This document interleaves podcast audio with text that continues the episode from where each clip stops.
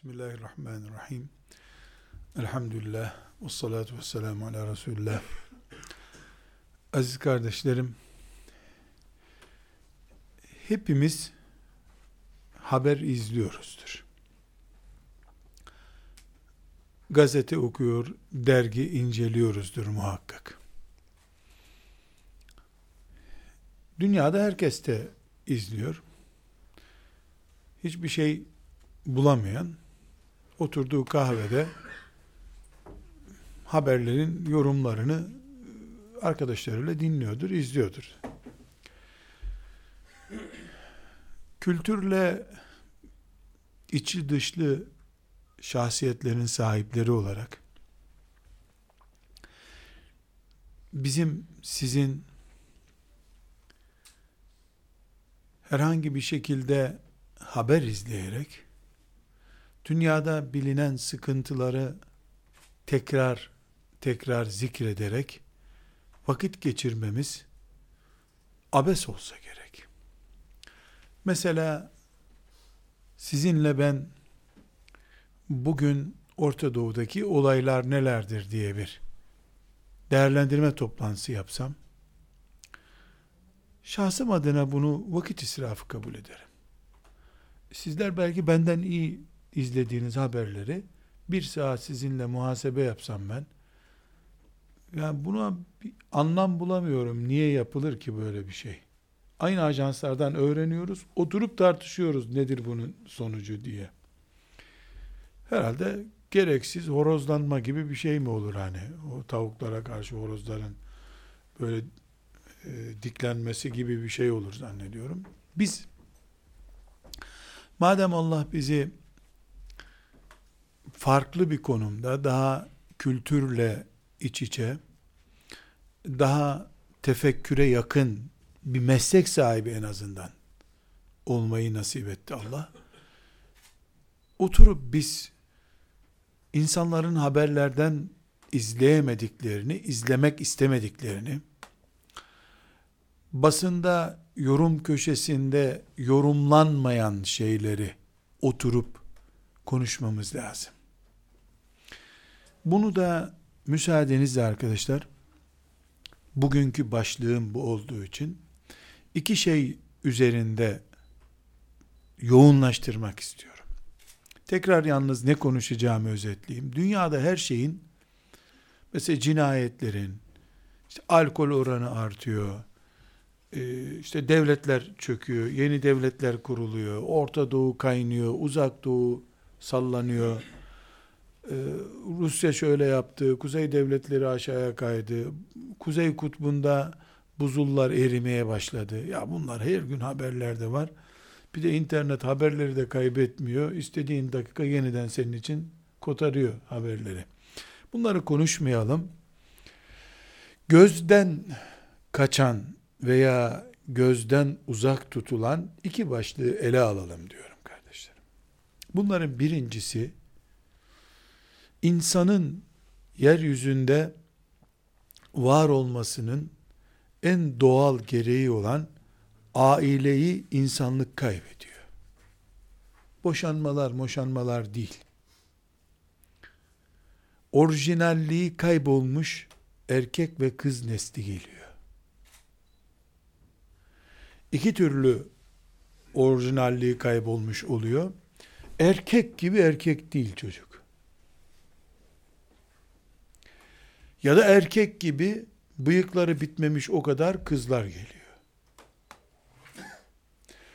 Merhametli çocuğunun uykusuzluğuyla uykusuz kalacak anne tipi yerine psikoloğa güvenerek yaşayan anne modelleri geliyor. Orijinal annelik gidiyor. Kılıbıklaşmış diye bir kavram vardı. Biz 30 sene önce çocukken kılıbık erkek diye bir şey duyardık. Herhalde ona bile rahmet okutacak erkekler geliyor. Cebindeki parayı eşine sormadan kullanamamayı modernizmin doğal gereği olarak görüyor. Mesela arşivimde ve internet ortamında da e, yayınladım duruyor. Kültürlü bir hanımefendi diyor ki eşimin diyor bana karşı yaptıkları hepsi affedilir ama affedilmez bir kabahati var. Onun için boşanacağım günaha girer miyim diyor. Benden habersiz babasının elektrik faturasını ödedi diyor. Dönüş yaptım. Sizin maaşınızdan mı? diye sordum. Yani senin paranı alıp kendi babasının elektrik faturasını mı ödedi? Fatura da 35 liraymış. Hayır. Kendi maaşından ama e, benden habersiz nasıl babasına yardım eder. Anadolu kültürü, Orta Asya kültürü filan geçtik bunları. İnsanlık yapısıyla alakalı adamın maaşından sana senin yani onu ödediği için senin evinden elektrik kesintisi mi olmuş? Böyle bir şey de yok. Ortak hayat. Devlet ikimize ortak bir nüfus kağıdı gibi kağıt verdi diyor. Her halükarda bu örnek üzerinden çıkmıyorum. Orijinal erkek ve orijinal kadın tipi genleri itibariyle de bozuluyor. Şahsiyet itibariyle de bozuluyor. Ve iffet itibariyle zaten hepimiz her şeyi ortada görüyoruz. Dolayısıyla ailenin yapı taşları çürümek üzeredir. Ya in Çin'den aile getireceğiz. Yani yetmeyen her şey Çin'den ithal ediliyor ya. Çin'den aile getireceğiz. Bütün insanlık Çin'den nüfus kalabalık orada zaten. Getireceğiz. Ya da haberleri herkes gibi izleme yerine biz haberlerin aslını irdeleyeceğiz. Eğer bizim gibi kültürlü insanlar, nesil yetiştirmekle Allah'ın görevlendirdiği insanlar, haber bültenleri izleyerek vakit geçirir de, haberlerin aslını irdeleyemezse, o zaman kıyametin gelmesinde bir sakınca kalmamış demektir. Bu tıpkı doktorların mikrop yayıp insanları hasta etmesi gibi bir şey. Ya da hastaneye bir hastalıktan gidiyorsun, yedi hastalıkla geri geliyorsun. Doktor seni daha fazla hasta ediyor. O zaman tıp çöktü demektir. İnsan yetiştiren kafalar sadece bültenlerde onlara arz edilen şeylerle yetiniyor. Asıl kaybolan şeyleri, asıl bozulan e, değerleri izleyemiyorlarsa büyük bir sorun var demektir. Bugün hem bizim yaşadığımız ülkede hem çevre ülkelerimizde hem bütün dünyada asıl kaybolan şeyler yerine daha ucuz telefon nerede satılıyor? Telefon hatları ucuza nasıl mal oluyor gibi ipe sapa gelmez. Aslında hayatla ilgisi olmayan şeyler üzerinden ömür çürütüyoruz. Biz çocukların okullarda, evlerde kalitesiz bir hayata veya onların gelecekleriyle çok ilgili olmayan konulara yoğunlaşmasını ayıplıyoruz. Babaları olarak, hocalar olarak, öğretmenler olarak ayıplıyoruz. Ama becerebilse de çocuklar, bizim bir haftamızı kameraya alsalar da, hızlı bir şekilde izletseler onu bize, biz de güleriz herhalde. Hadi onlar çocuk olduğu için cep telefonuyla oynuyorlar. E biz o çocuklara çocuk diyen büyükler olarak biz de e, cep telefonundan başka bir programla ama gene oynuyoruz cep telefonuyla. Misal yani eğer cep telefonu gündemimiz olacaksa. Burada kardeşlerim iki şey bugün gündeme gelsin. Orijinal haber bülteni oluşturalım iki şeyde diye böyle bir başlangıç yaptım. Birincisi ailemiz gidiyor kardeşlerim. Hiçbir Müslüman veya Müslümanlık ilgisi olması da şart Hiçbir insan böyle bir gitme tehlikesi görmüyorum diyemez herhalde. Dünyadan haberi yok onun o zaman. Yani bunu şu anlamda söylemiyorum. Ailemiz gidiyor, aile anlayışı gidiyor derken işte eskiden erkek elini arkasına koyar, aa, aa evde dolaşırdı, şimdi eşitlik getirdi. Ya yok Allah aşkına ya bu zaten gereksiz bir şeydi. Lüzumsuz horozluklardı onlar. O değil. Genetik olarak sorun yaşıyoruz. Çok basit bir örnek bir doktor arkadaşımla istişare ederken insanoğlunun e, çocuksuz kalma nedenleri üzerine başlığı bu olan bir muhabbetimiz vardı. Tıp dünyası olarak siz dedim e, bu kadar teknolojik imkana rağmen tıbbın bu kadar gelişmişliğine rağmen mesela e, tüp bebek teknolojisine insanlık niye bu kadar muhtaç? Tüp bebekten önce çocuk üretimi için yani çocuk üretim sistemi için insanda daha sağlıklı bir şeyler üretemezler. Mesela veremle ilgili ön tedbirler alındı. Filan hastalığın oluşmaması için tedbirler alınıyor. Niye tüp bebeğe yatırım yapılıyor da yani gençlerin filan aşıyla veya filan sistemle e, kısırlık sorunu yaşamamaları için bir tedbir alınmıyor derken bir başlık açıldı. E, epey bir uzadı muhabbetimiz. O arada bir cümle dikkatimi çekti. Yani doktor şunu vurguladı. Bir sebep değil ki dedi. Onlarca sebep yani tıbbın böyle 10, 20, 30 senede yetişebileceği sebepler değil. Dolayısıyla tüp bebeği bir nimet görsen filan demeye çalıştı. O arada bir cümle zikretti. Mesela dedi, belki tam Amerika'dan onaylanmış bir belge getiremeyeceğim sana ama dedi tıp adamları erkeklerin kot pantolon giymesinin kısırlanma nedenleri, kısır kalma nedenlerinden biri olduğunu söylüyorlar dedi. Çocukluktan itibaren kot pantolonun giyilmesini bir neden olarak görüyor.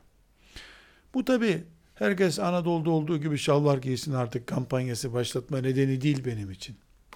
Ama bugün tıbbın çaresiz kaldığı, sorun üretemediği, bir kısmı kültürümüze dayanmış, bir kısmı kılık kıyafetimiz olmuş ve sonunda insan nesli olarak bizim yeryüzünü doldurma e, çabamız için veya insan olarak devam etmemiz için yegane varlığımız olan aile içinden çatlamış durumdadır. Devletler, Türkiye'de dahil, e, mesela ayı öldürmeyi, affedersiniz demem gerekiyor mu bilmiyorum, ayı kaba bir kelime. Şimdi devlet simgesi gerçi, Rusya'nın simgesi herhalde ayıp değildir ayı demek. E mesela hala Anadolu'da e, ayı vurduğu için, ayı öldürdüğü için hapse girecek, ceza ödeyecek yüzlerce insan var. Yani ayıların güya nesli tükeniyor bizim Karadeniz'de mısır bırakmıyorlar yazın. Ne biçim ayıysalar. Devlet himayesiyle tarlalara geliyorlar. Vuramazsın, dokunamazsın. Suç dokunmak. Ona mısır yemek serbest. Vatandaşa yasak gibi bir mantık oluşturuyor. İnsan neslinin ana unsuru olan aile belki 40-30 neyse farklı cepheden e, saldırı altında şeytanın saldırısı da Adem Aleyhisselam'dan beri devam ediyor zaten ama insan kendisi aslı ile ilgili saldırılardan e, ibret almıyor. En basit e, dikkat edilmesi gereken şey kardeşlerim çok yakın zamana kadar insanlar işte çok çocuk ikiden fazlaya çok çocuk deniyor diyelim. Çok çocuk sahibi olmamanın gerekçesi olarak özellikle e, geçim sıkıntısını dert ediyorlardı. Yani nasıl geçindireceksin ki? İstanbul'da iş yok zaten. Gibi bir mazeretlerileri vardı. Bu son senelerde anne babalarla oturup istişare yapıldığında çocuk büyütmekten korktukları görülüyor. Çocuk büyütmekten korkuluyor. Çocuğu zapt edemem. Terör örgütüne bulaşır. Şöyle olur, böyle olur. Bir de yaşlanınca dayak mı yiyeceğim bu doğurduklarımdan gibi bir korku var. Bu belki 50-60 sebepten bir tanesi. Doğurup süt emzirip büyüttüğünden korkma. Baba olma, anne olma hazzımızı korku konusu haline getirdik. Becere, beceremediğimiz açılardan bakmıyorum. Yani sonuç böyle oldu. Burada kardeşlerim birinci maddeyi tekrar toparlıyorum. Biz herkes gibi haber izleyip vay be öyle olmuş tüh şu şuna vurmuş bu bunu öldürmüş diyecek insan olmayı kabul edemeyiz. Etmemeliyiz. Mesleğimiz bunu reddetmeli.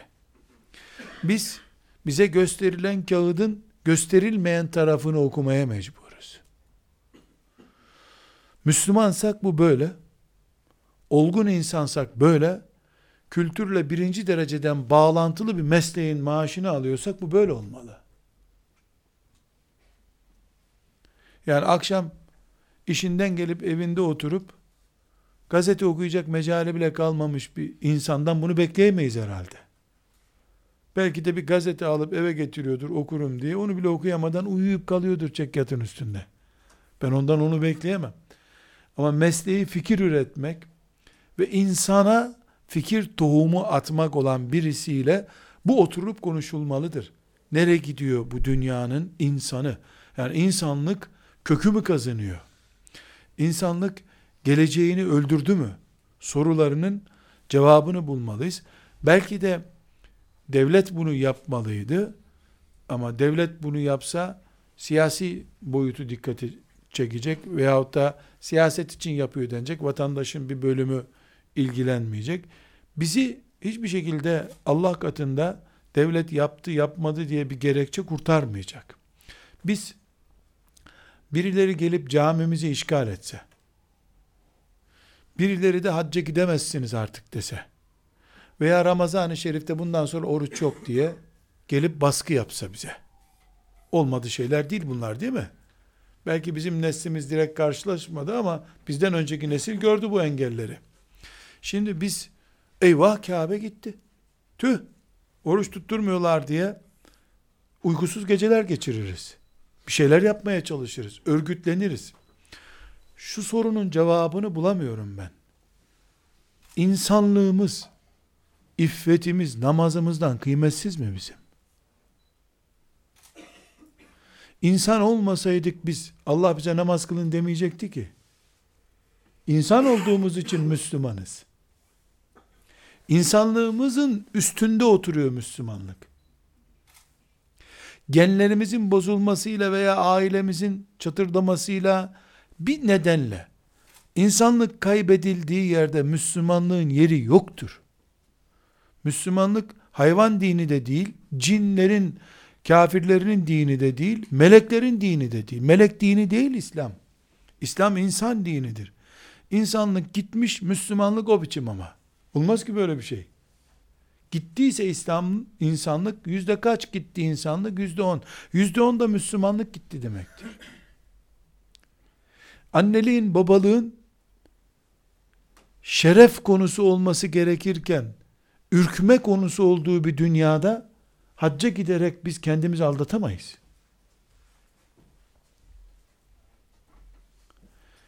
Gençlerin gençliğinin reaksiyona uğradığı bir dünyada biz sabahleyin sabah namazını camiye gittiğimizi göstererek melekleri kandıramayız.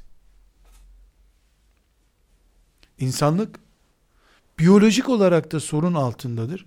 Biyolojik olarak da yani filan organımız çalışmıyor olabilir artık. Sadece cep telefonu açısından bakıldığında e, gelecekte körelmiş beyinler, bir sürü kanser yaşayan beyinler bu telefonlar yüzünden olacak deniyor. Hem böyle deniyor hem ondan sonra e, telefon e, olmasa olmaz haline getiriliyor. Bir, bir enteresan dünyada yaşıyoruz. Telefonları da kaldıralım demiyorum şüphesiz ama en azından sorunumuzu cep telefonu sorunu olarak değil, insanlık sorunu olarak düşünelim. Yani ayılar da toplanıp insanların soyu kuruyor zavallıların diye ayıların koruması altına mı gireceğiz biz? Çünkü ayıların soyu koruyordu. İnsanlar olarak ayıları koruma altına aldık. Geyikleri aldık önce. Neyse geyik güzel bir hayvan da. Yani ayılar bile himaye altına alındı. Sıra şimdi ayılar bu insanlığımızı unutmazlar herhalde. Onlar da bizi koruma altına alırlar. Ailenin çadırladığının başlığı olarak zikredeceğim başka bir mesele arkadaşlar. Yani kaynana gelin kavgası, damat enişte sorunu, bu dünyanın kurulduğu günden beri vardır. karı koca arasında da geçim sorunu olmayan bir 10 saat yoktur bu dünyada herhalde.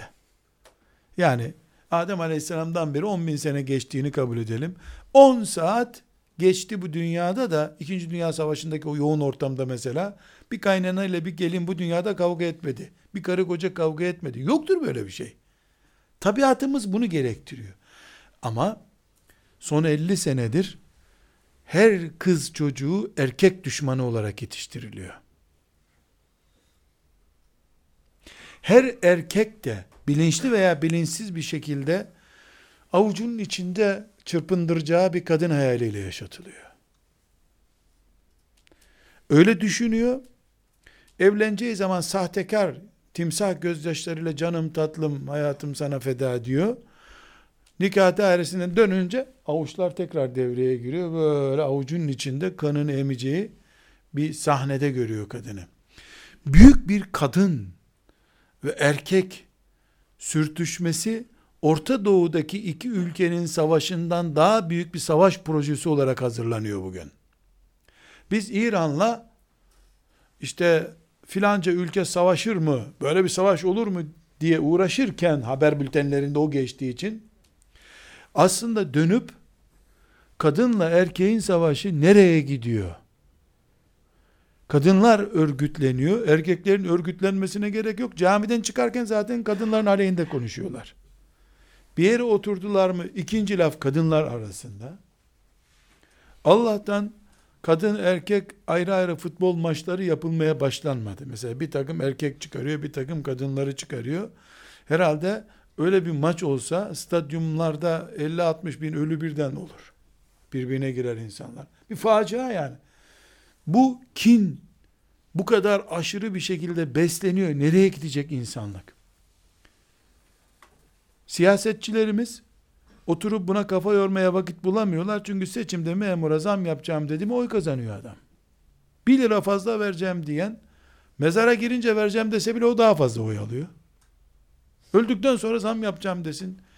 Ee, Ölü, mezardaki günahlarınızın sigortası bana ait hadi yanmayacaksınız cehennemde desin. O da iktidar olur herhalde. Bir enteresan yalan dolambaç üzerinden hayatımız sürdürülüyor. Öbür taraftan evliliğin çatırdadığını da söylemeye gerek yok. Dökülüyor artık. Çatırdadı zaten. Şimdi dökülmeye başladı. Bunu farklı açılardan, farklı temel noktalardan ele alıyorum. Bir tanesi de işte kadın erkek düşmanlığı gitgide büyüyor.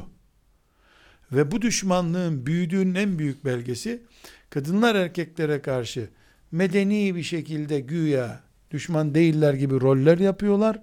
Rüyalarında bile erkek boğmayı görüyordur halbuki. Kadınlar da yasalar zaten kadınları baş tacı edeceksiniz yoksa hapse girersin dediği için bu sefer de hanımefendi diyor ama doğranmış hanımefendi demek istiyor. Kuşbaşı hanımefendiyi kastediyor. İçindekini konuşmuyor insanlar. Yasalardan çekinerek, mahalle baskısından çekinerek ama 20 sene öncesine göre cinsiyetlerin birbirlerine karşı e, bakışı çok daha rigid hale geldi. Çok daha 10 yaşında çocuklar bu karıları kesip atacaksın diyor. 15 yaşında kız çocukları evlenmem ben diyor. Niye evlenmeyeceksin? Dayak yiyen teyzesini, evden kovulmuş halasını, işte annesinin filanca arkadaşının kocasından yediği dayağı, bunlar bir altyapı oluşturuyor, bir şuur oluşturuyor ve evliliğe karşı, helale karşı düşman hale getiriliyor.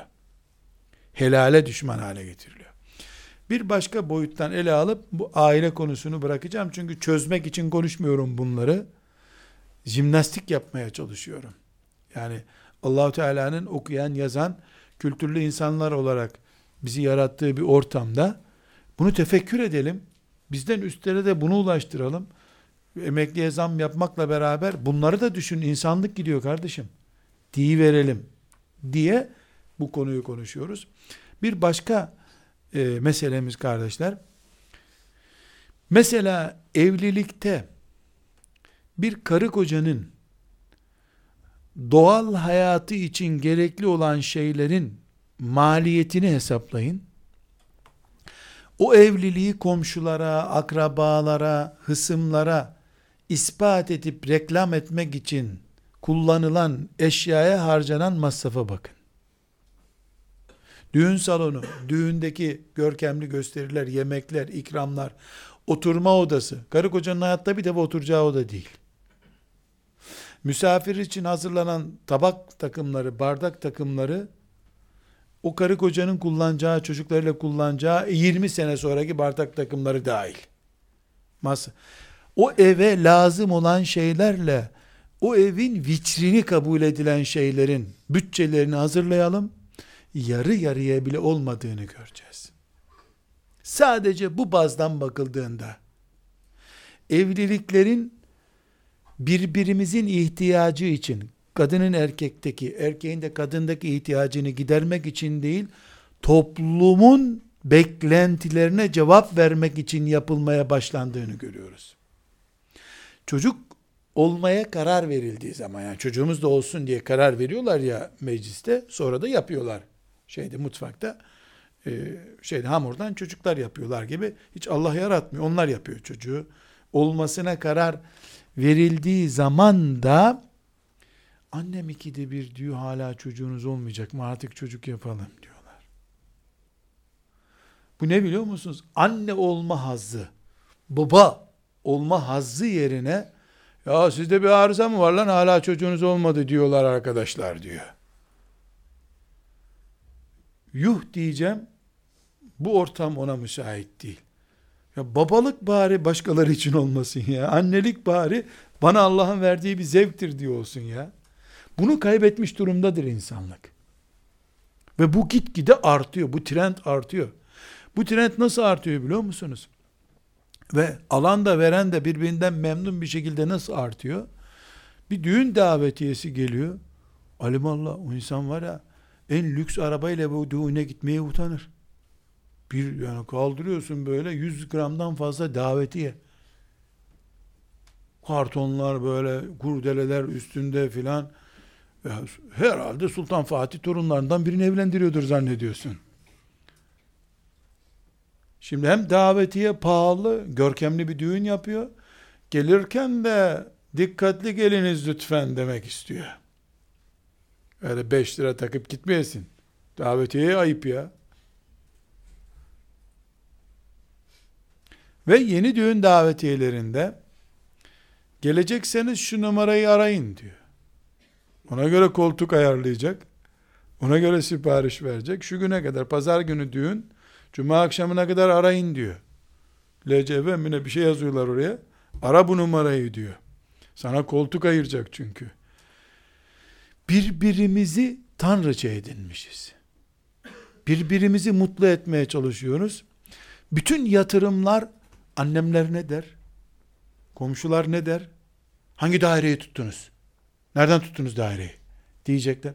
Ben içeride üşüyeceğim, üşümeyeceğim hiç önemli değil o. Ne diyecekler? Nereden tuttunuz diyecekler. Hangi salonda yapıyorsunuz diyecekler.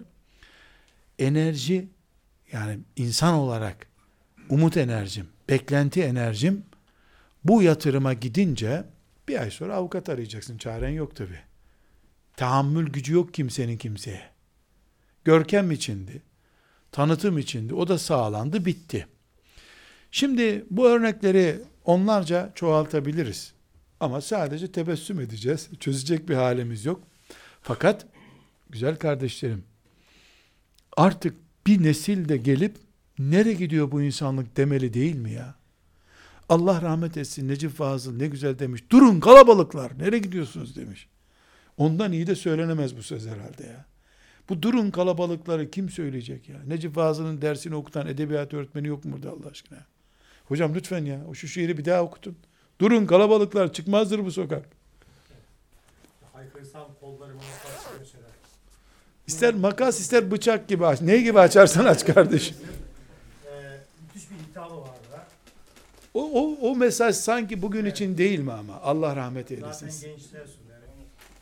Ama birimiz Birisi bunu demesi lazım artık arkadaşlar. Bu kalabalık dursun ya.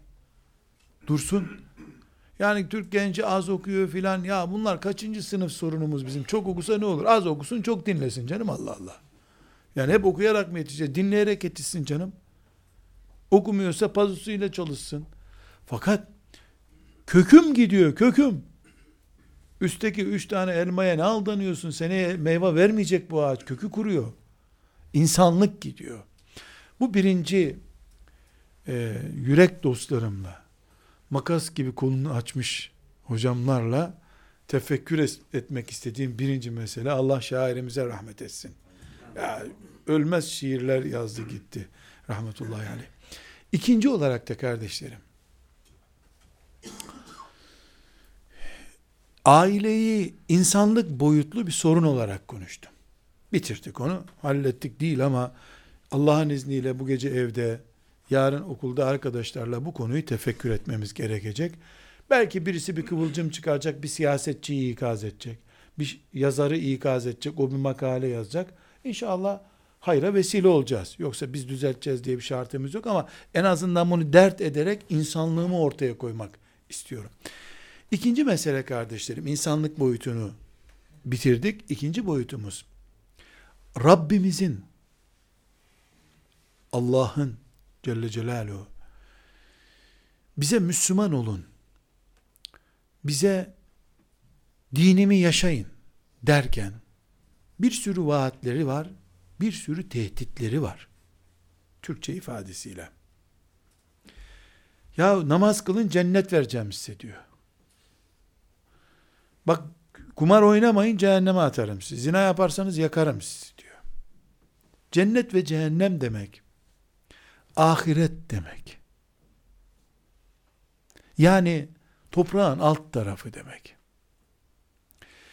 İslam'ın orduları var, polisi var, zabıtası var şüphesiz devlet olduğu zaman.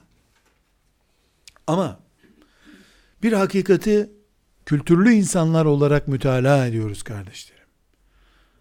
Allahu Teala gökten büyük bir ateş yağdırarak kafir kullarını helak edebilirdi. Böyle bir uygulama yapmıyor Allah. Allah'ın Celle Celaluhu üzerimizdeki en büyük silahı ahirete iman silahıdır. Ve 10 gün yanarsınız bak filan kavme yaptığım gibi buyurmuyor. Ebedi yakarım cehennemde dikkat edin diyor. Dolayısıyla Müslüman neslin, Müslüman bir toplumun otokontrolü yani kendi kendini Müslüman ve insan olarak yaşatma gücü ahirete imanı ile ilgili bir meseledir. Herhangi bir insan zinadan, kumardan, faizden, cinayetten, hırsızlıktan hangi suçu biliyorsak, namazsızlıktan, oruçsuzluktan, alkolden kabir hayatından korktuğu kadar korkar. Korku potansiyelimizi yüz kabul edelim. Ahiretten, cehennemden, kabirden korkum 40 ise, insan öldürmekten korkum 41 olamaz benim. Öyle bir suça karşı el çekme oranım da asla 41 olamaz. Ölüm meleğini yanında hisseden, cehennem ateşinin sıcaklığını parmaklarında hisseden, o derece korkan biri, mesela 98 puanlık bir ahiret korkusu taşıyorsa, alkol şişesine de 98 refleksle yaklaşır yaklaşacaksa. Ateşe yaklaşabildiği kadar alkol şişesine yaklaşır. Bugün kardeşlerim, biraz sonra örnekler zikredeceğim. Başımıza gelmiş en büyük belalardan biri camilerimizde bile ahiret düşüncesi ölmek üzeredir. Kıyamet alametlerinden biridir zaten. Camilerin ibadet fonksiyonerliği tezyinatının altında kalacak. Kaldı nitekim. Camide imam efendinin bizim için okuduğu bir cüz Kur'an'dan aldığımız zevkle kubbesindeki tezyinatından aldığımız zevki ölçtüğümüzde biri mecburen dinlenen şey öbürü de elin şakağında dakikalarca maşallah diye izlenen şey oluyor. tezipleri duvarlarda, camların yapısı, bina, uuu ne yapılmış şeklindeki algılama namazı ezmiş durumdadır. Namaz beton güçlü olduğu için ezildi. Anne babaya karşı dikleşen gençler ahiretten puan kaybettikleri için dünyevi bir değer olan kabadayılıklarını anneye babaya karşı kullanabiliyorlar. Bir toprak parçasını kaybeden bir ülke halkı ne kadar hür, ne kadar işte kendine ait ulus olabilirse ahiret imanını, düşüncesini kaybeden, sıfırlayan bir millette o kadar Müslüman olabilir. Sıfır Müslüman olur. Çünkü tehdidi ve gelecek yatırımı olmayan bir proje olamaz. İnsanlar niye bir apartmandan bir daire almak için uğraşırlar?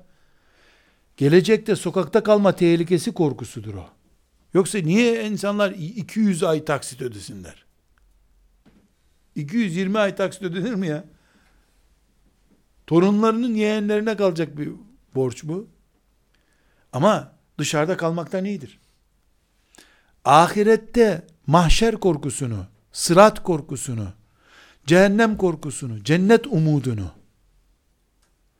yitirmiş bir kitlenin Allah'a iman iddiası kağıt üzerindedir.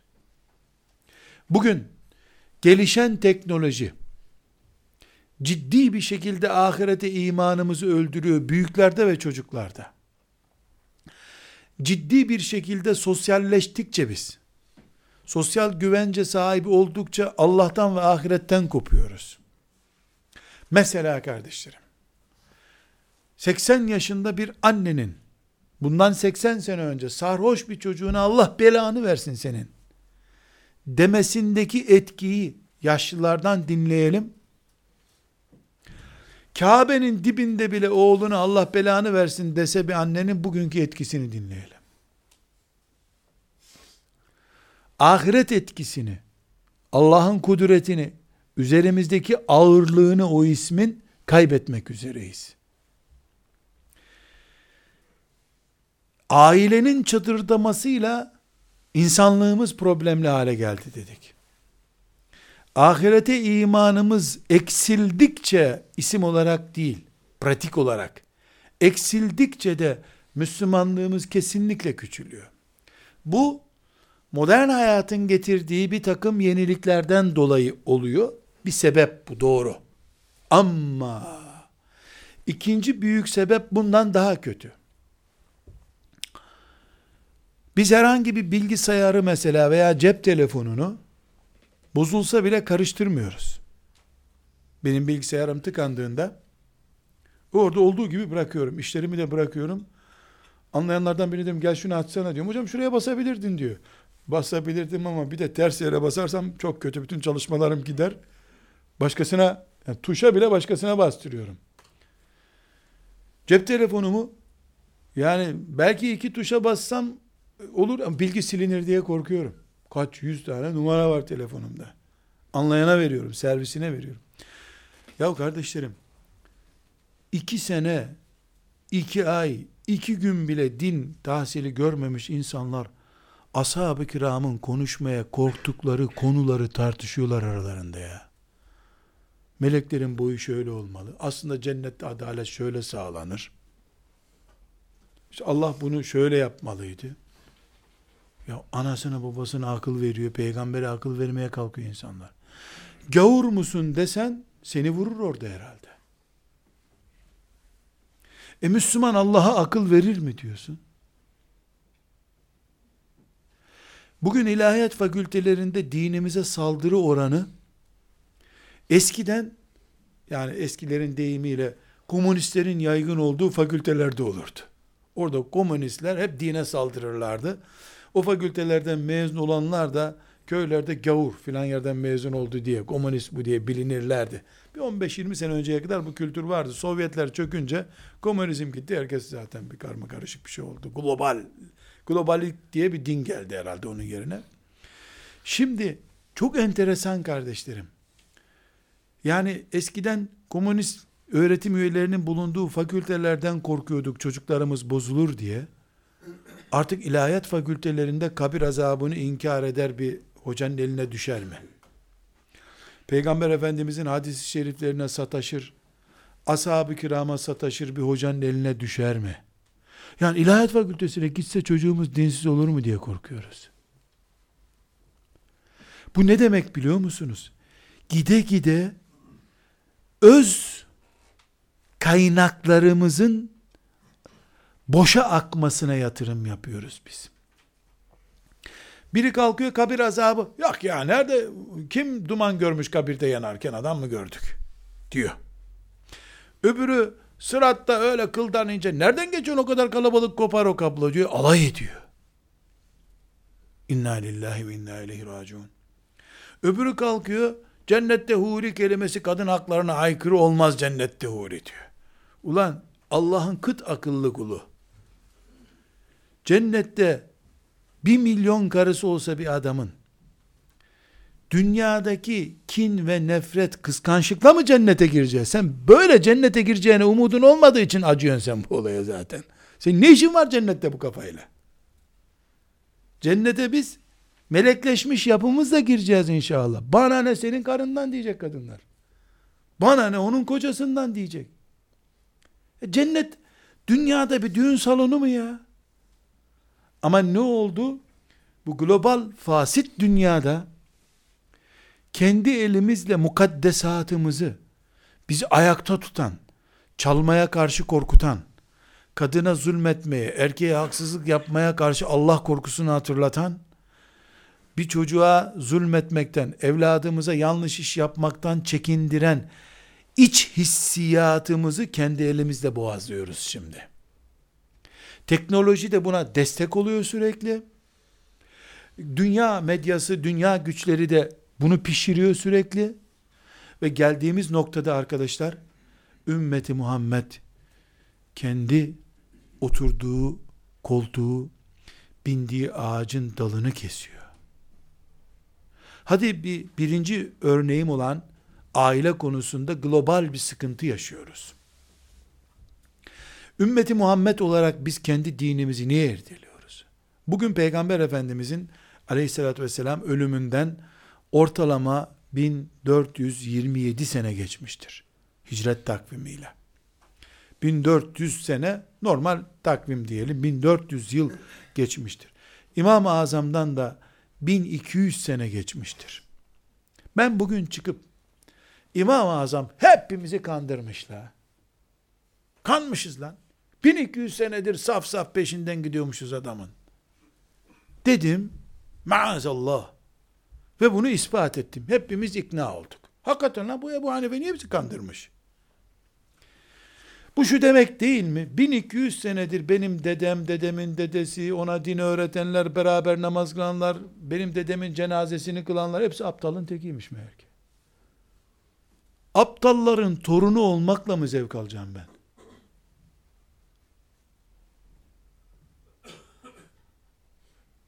Aptalların torunu olmak beni mutlu mu etmeli?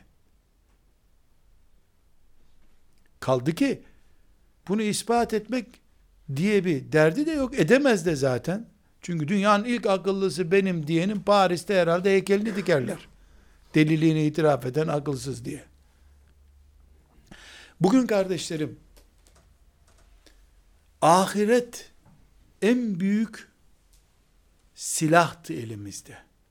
O korkuyla tıpkı elektrikten korkup kablosunu tutmadığımız gibi ahiret endişesinden dolayı da Allah'ın haramlarına tutmuyorduk. Dinimizi yaşıyorduk. Sabah namazına kalkıyorduk. Ebu Hanife zaten geç kalktı. İmam Şafii erken kalktı. O kurban kesti bu kesmedi diye diye ümmetin büyüklerini diskalifiye ettiğimiz zaman sahnemizden cüretimiz arttı Allah'a karşı. Bir yandan insanlığımızla ilgili ağır sorunlarla karşı karşıyayız. Diğer yandan da dinimizin deyim yerindeyse altını uyuyoruz. Nereye gidiyoruz peki? Tekrar baştaki sözlerime dönüyorum. Kitapla, kalemle, defterle iç içe olmayı Allah'ın kader olarak yazdığı bizim kitlemiz böyle bir tefekkür dosyası açmak zorundayız kardeşlerim. Nereye gidiyoruz? Nereye gidiyor insanoğlu? Müslümanlığı nereye götürüyoruz biz ya? Bunu dediğim gibi eve yorgun argın gelmiş bir insandan bekleme hakkımız olmayabilir. Biz de yoruluyoruz ama kültür üzerinden yoruluyoruz. Ben de eve gittiğimde belki bu saatte argın yorgun olacağım ama benim yorgunluğum bu tür kültür üzerinden bir çeşit bunun benzeri olan konularda yoruluyorum ben. Artık filan yerde filanca grup birbiriyle savaşmış yerine kökten giden insanlığı, kökleriyle oynanan Müslümanlığı oturtmak zorundayız. Biz gündem yaparsak, gündem bizi ezemez. Başkalarının gündemiyle hayat geçirirsek, gündemlerin altında kahrolmaya mecburuz. Bu halledebileceğimiz bir iş mi?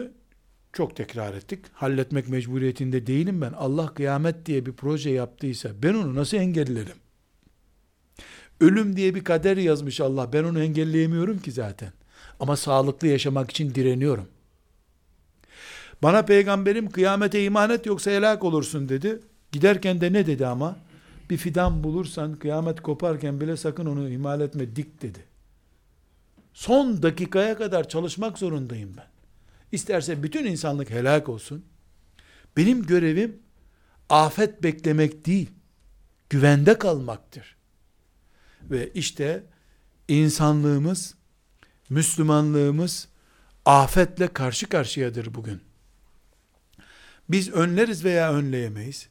Bizi takip eden melekler önlemek için kıvrandığımızı, en azından kendimizi teyakkuzda tuttuğumuzu, steril bir ortamda kalmaya çalıştığımızı meleklere ispat ederiz.